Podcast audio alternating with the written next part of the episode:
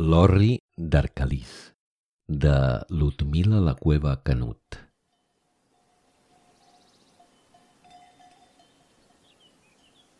«1883. El camí des de la cortinada havia estat tranquil. La boira, després d'una nit intensa de pluja en un mes de juny, s'havia escampat ràpidament. El camí i els prats estaven molls, tot i que s'augurava un bon estiu per als pasturatges. En Damià, juntament amb la seva gossa d'atura a la rúbia, manava el ramat d'ovelles cap a les pastures més altes, on passaria uns mesos de solitud lluny de la família. Així era la vida del pastor, sacrificada, però en Damià de Cala Ovella se sentia orgullós de fer el mateix que els seus avantpassats. En ment tenia encara el tràfic que havien portat abans d'iniciar la transhumància.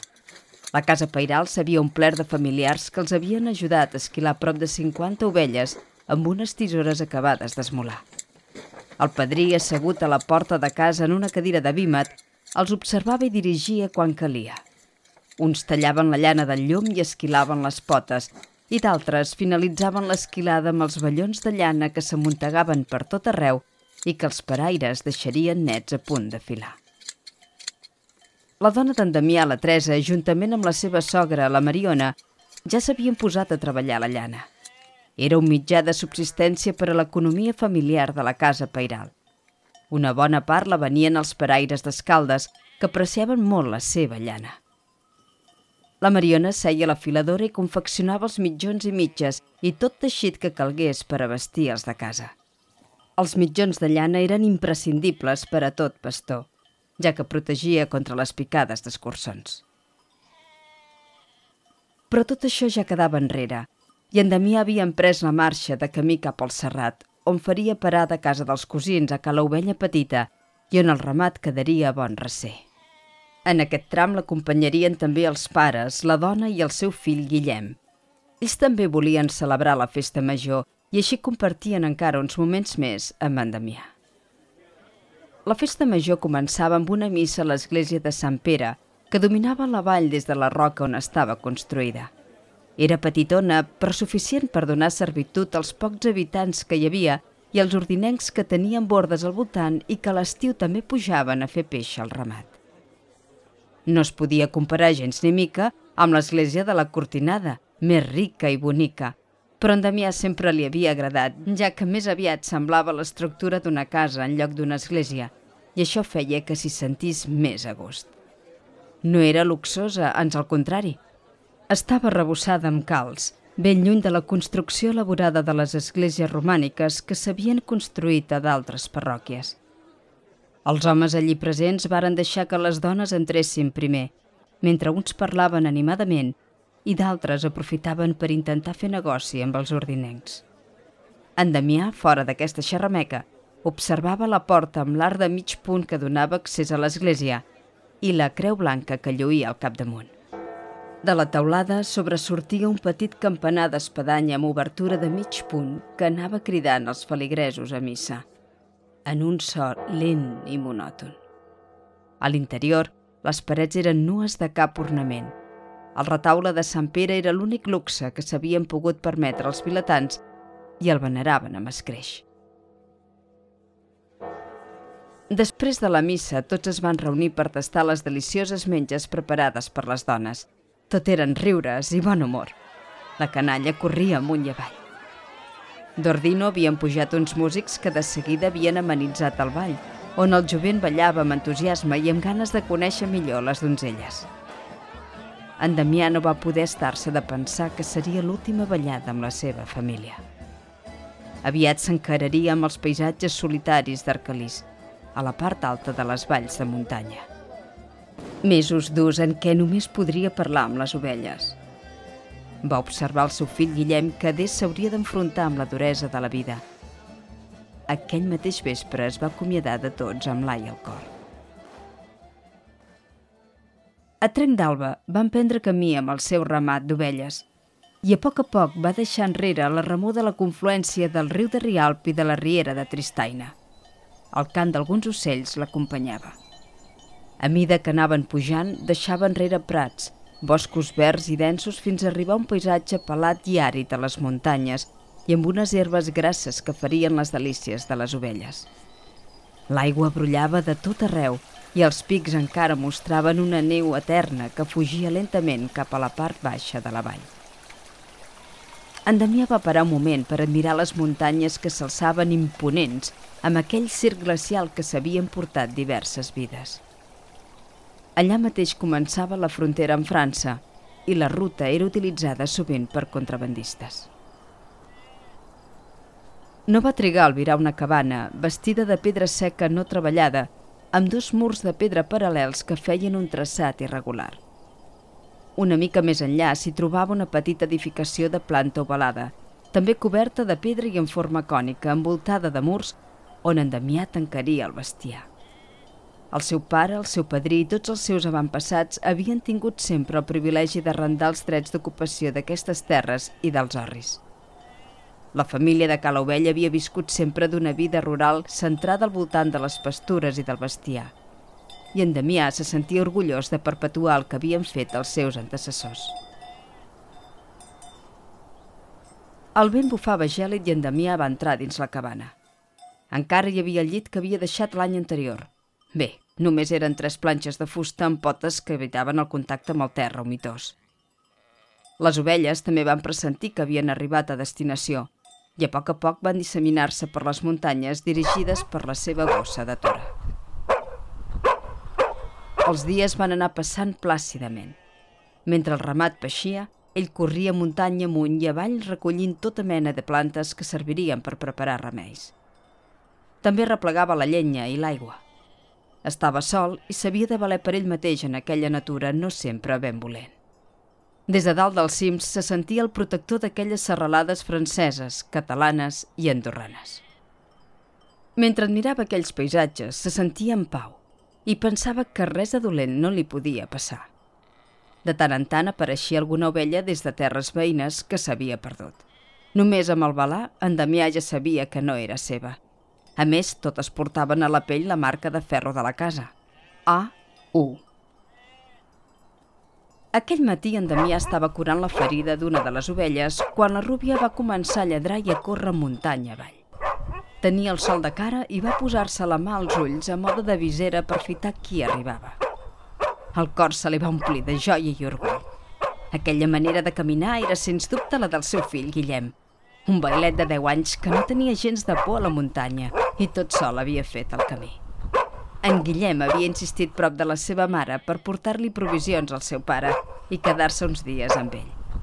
A la Teresa no li feia gaire gràcia, però va pensar en la solitud d'en Damià i va accedir sempre que els cosins del Serrat l'acompanyessin un bon tram. En Guillem era eixerit i havia fet l'últim tram tot sol seguint els consells que el pare sempre li havia donat per poder orientar-se. En Damià li va fer una abraçada càlida, mentre la rúbia se'l tironejava al seu voltant. El va ajudar a descarregar tot el que portava, mentre ja es delia pensant que provaria la confitura de la Teresa li va portar notícies fresques de la família i algunes en reunies que en Damià va escoltar amb mitja orella. La seva veu estava enrogallada de no haver parlat durant tants dies. L'arribada d'en Guillem era benvinguda, ja que en Damià volia preparar el formatge i estava ben satisfet de tenir un ajudant que perpetués la seva tradició quan ell ja no fos en aquest món. Va romangar-se la camisa mentre en Guillem, cofoi per la tasca que se li encomanava, Dirigia part del ramat cap al passadís de pedra paral·lel que feia com una mena d'embut i evitava així l'empenta del grup d'ovelles cap endavant. Amb el pare havien escollit les ovelles que estaven en període de cria i les feien entrar on a la punta s'estaven Damià esperant per munyir-les. L'orri tenia una obertura en un dels extrems, mentre l'altre era tancat, i una a una les anava munyint. En Guillem anava portant les galledes cap a la cabana. En acabat, en Damià va instruir el seu fill per primera vegada en l'art de preparar el formatge de tupí. En Guillem va veure com s'escalfava la llet, mentre en Damià preparava l'arbacola a part i ho barrejava tot. El nen s'ho mirava encuriosit i amb la llet presa, el seu pare va prémer el mató amb les mans per donar-li forma. Va posar-lo a la formatgera i el va deixar que pitgés fins que ja no es va desprendre més líquid. D'aquí El van posar dins d'un tupí i en Damià hi va afegir aiguardent. Els propers dies haurien d'anar removent aquella massa pastosa. Ja es delien de posar sobre una llesca de pa aquest formatge tou i untuós que tenia cos i romania viu al paladar. Però abans caldria esperar uns mesos. En marxar, en Guillem s'ho emportaria. La mare i la padrina ja sabien què s'havia de fer. En Guillem se sentia el nen més feliç del món, corrent muntanya amunt i avall i ajudant el pare amb el ramat. Però aviat va ser hora de tornar cap a casa. Era tradició que cada pastor que havia passat l'estiu en aquestes valls fes incisions amb el seu nom en una pedra interior de la cabana. De fet, la cabana, l'orri i la pleta havien estat sovint llogades en subhasta per la família de Cala Ovella i amb el dit va resseguir els noms del seu rebesavi, besavi, avi i pare. En Damià el va autoritzar a inscriure el seu nom a la roca. Guillem de Cala Ovella, 10 anys. Amb tristor va acomiadar-se del seu fill i va tornar a la solitud d'aquells paratges solitaris. Aviat van arribar les darreries del mes d'agost. La pluja havia estat caient tota la nit i l'herba mullada no era ben bé del gust de les ovelles, sobretot de les més petites, que havien d'anar amb cura de no relliscar per aquelles serralades rocoses i herbades.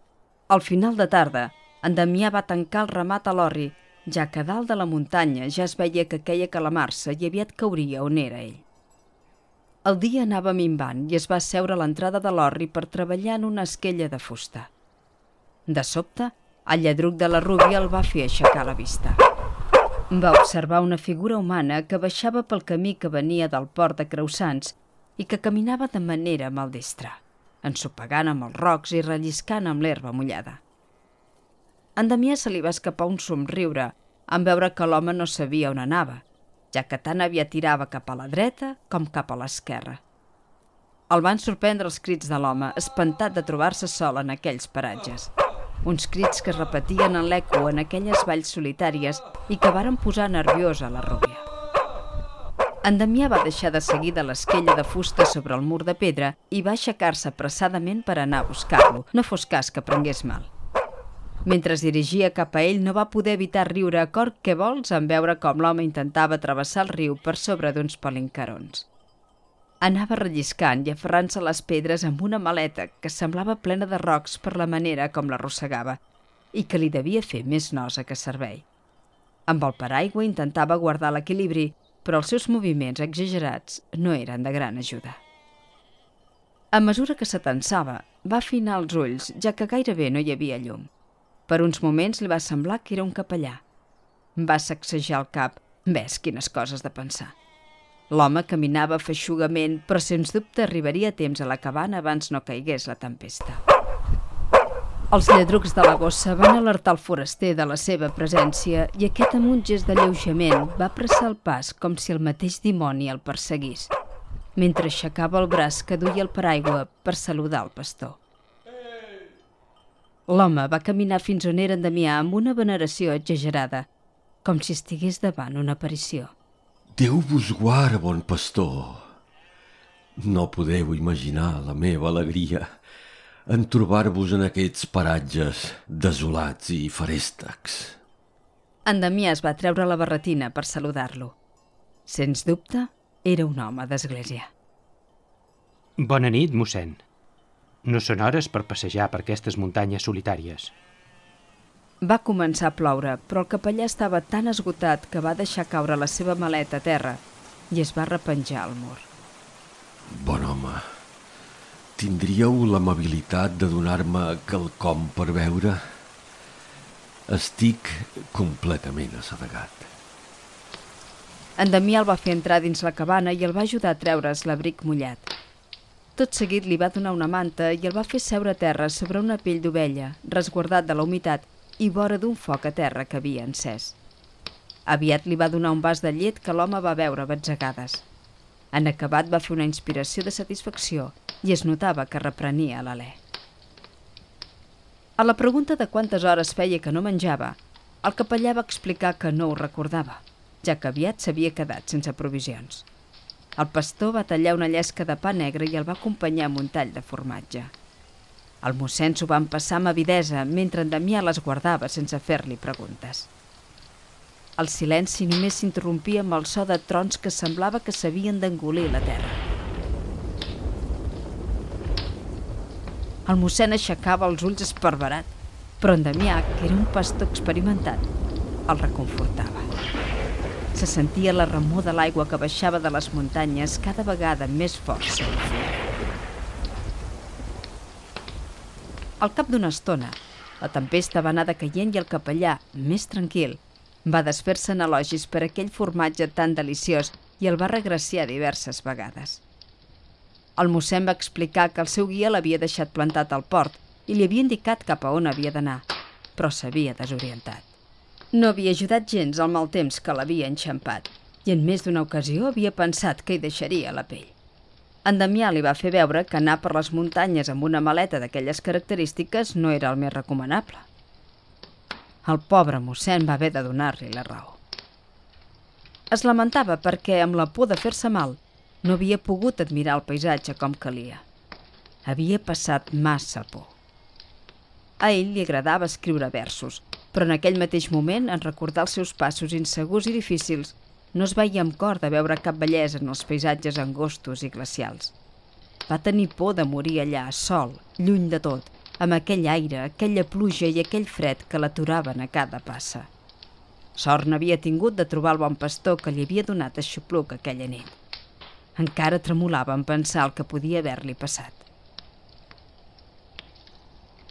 El capellà es va interessar per la vida del pastor. Una vida dura i de mancances, mentre la seva família era lluny, al poble de la Cortinada.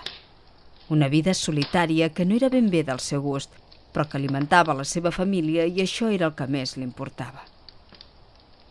El pastor va pensar que era un home curiós, ja que no parava de fer-li preguntes sobre la vida dels andorrans, els seus usos i costums.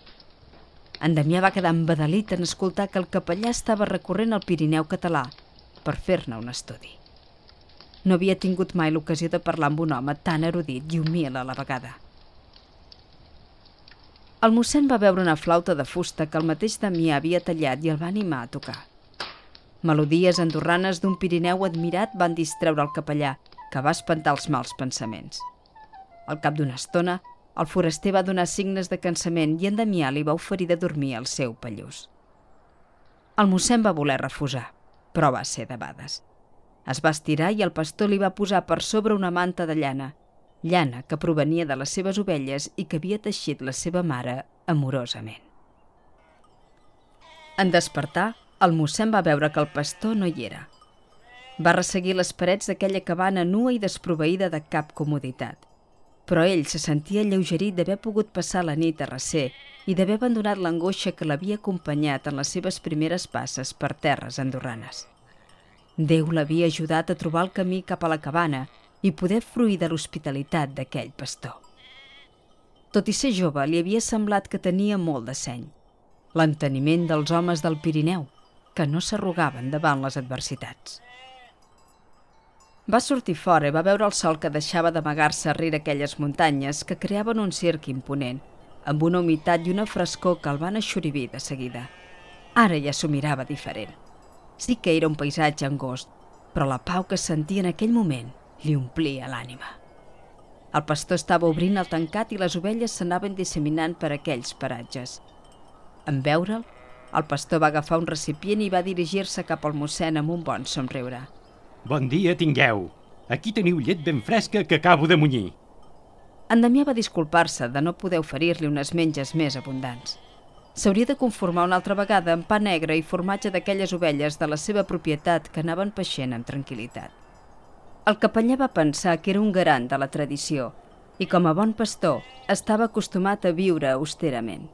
Tot i que això no minvava la seva admiració per l'hospitalitat d'aquell home que havia compartit amb ell unes menges en la foscor de la cabana. El capellà va fixar-se en unes creus de fusta tallades amb ungla de gat que hi havia a l'entrada de la cabana i en va elogiar la finesa de la talla.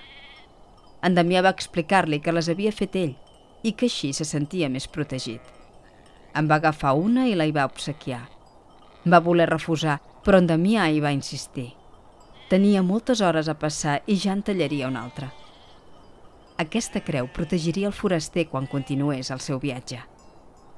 El mossèn va donar-li les gràcies emocionat i va deixar-li una bíblia de petites dimensions perquè l'ajudés a passar les hores de solitud.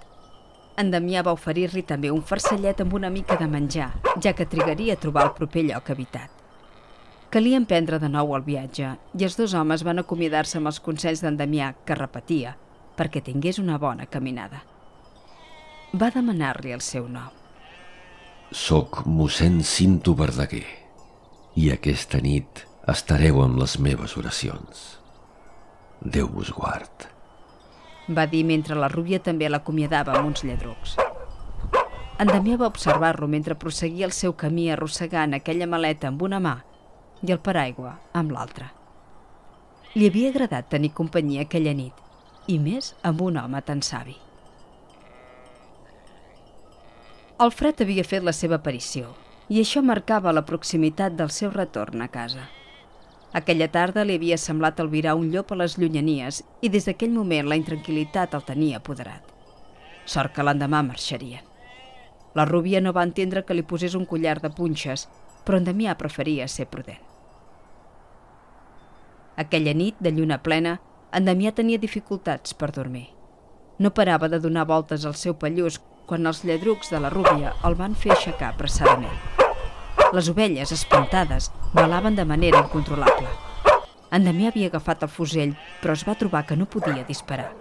La rúbia s'havia embrancat en una lluita ferotge amb el llop, que del seu musell allargat li ensenyava unes dents carnívores ben afilades. En Damià, neguitós, no sabia què fer. El llop va mossegar salvatgement el coll de la rúbia, però va udolar esgarrifosament en clavar-se les punxes del collar que li van provocar un dolor punyent. Van retirar-se una mica mentre la rúbia, emetent uns lladrucs que ressonaven per aquelles muntanyes, li plantava cara. El dolor era massa fort i el llop va decidir marxar foragitat mentre en Damià cridava com un desesperat. La suor amarava el front de Damià que va córrer cap a la seva fidel companya. Es va espantar en veure la sang al coll de la rúbia, però de seguida va donar-se que era del llop. La seva estimada companya només tenia alguna esgarrinxada provocada per les ungles del llop. La va abraçar tendrament amb el cor que batzegava encara apressadament per l'ensurt i la rúbia li va llepar la cara cofoia d'haver vigilat i defensat el seu ramat. No s'ho va pensar més. Aquell mateix matí tornarien cap a casa. La rúbia, feliç, corria amunt i avall i un reguitzell d'esquelles s'anaven sentint muntanya avall. En Damià també se sentia content i alleugerit. Aquella vegada s'havia fet massa llarga l'època de pastura i ja tenia ganes de veure la seva família. Temps de retrobades i de compartir bons moments vora el foc. Desembre 2017 El Nadal s'atensava i la neu ja havia fet la seva aparició. La Treseta no havia dubtat a calçar-se els esquís per baixar esquiant per les pistes d'Arcalís. Va agafar alta la cadira de creusants i a dalt va albirar una vista espectacular de cims que lluïen un mantell de neu verge que feia les delícies dels esportistes. Va treure el seu telèfon i va aprofitar per fer unes fotografies que penjaria a les xarxes socials. Un moment màgic. Va pensar, però era ben lluny d'imaginar què succeiria a continuació. En arribar a baix va trobar-se uns amics i van decidir prendre alguna cosa a la terrassa d'un edifici que hi havia tocada al telecadira. Us heu fixat que l'or i la cabana estan ben colgats de neu? Es fa difícil imaginar que algú pogués evitar-lo durant un temps. Va dir un dels nois. La Treseta s'ho va mirar amb atenció i va relatar algunes històries de casa seva, de Cala Ovella de la Cortinada. La padrina sempre m'havia explicat que la família havia tingut durant centúries l'exclusivitat de portar el ramat a pasturar en aquests paratges. No era una vida fàcil fer de pastor, però anaven sobrevivint amb el que treien de les ovelles. El meu pare recordava haver-hi anat alguna vegada quan era un bailet, però Andorra ja s'havia modernitzat massa i va deixar la pagesia i la ramaderia. Tots escoltaven captivats aquest relat sobre pastures i sobretot d'un bon pastor com era un avantpassat seu anomenat Damià. La llegenda familiar explicava que havia salvat mossèn Cinto Verdaguer d'una mort segura, però l'únic que tenien a casa era una bíblia que sembla ser que li va regalar ell. El que més l'entusiasmava era que una vegada la seva gossa d'atura havia lluitat contra un llop per defensar el seu ramat i, de retruc, el seu propietari. Aquest relat els va intrigar tant que varen decidir entrar a la cabana i a l'orri. Amb les botes no era gaire còmode de caminar per la neu, que per trams era verge, però la decisió dels joves era ferma. I allí estaven, davant la porta de la cabana. En un primer moment no varen poder obrir la porta, però en posar-se tots en penya, la porta va cedir. L'estança era buida. I tot just hi havia uns taulons de fusta que potser en un temps llunyà havien fet de llit. Una de les parets era negra, segurament a causa del sutge del foc vora del qual es devien escalfar els seus avantpassats. Tereseta! Mira què he trobat! Va xisclar un dels amics. El noi va ensenyar-li unes inscripcions tallades a la pedra. Amb emoció, la Tereseta va descobrir la de Damià de Cala Ovella, la de Guillem, 1883, i, sobretot, la de la Rúbia, gossa d'atura que ens va salvar del llop. Els dits de la Treseta anaven resseguint aquests noms amb excitació. Va deixar anar unes llàgrimes quan va trobar el nom del seu pare, en Ventura de Cala Ovella. Era l'últim membre de la família que havia fet de pastor.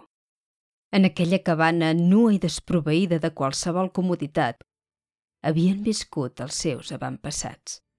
Una vida dura que era ben lluny de l'existència plàcida que ella coneixia. En aquell precís moment, va decidir que recuperaria la història de Cala Ovella i sobretot els testimonis familiars sobre els seus avantpassats pastors.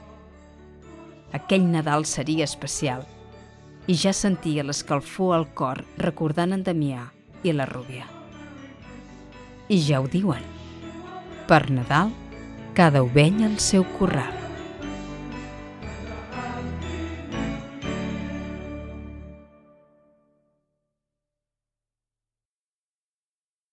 Enregistrament de En veu alta, enveualta.cat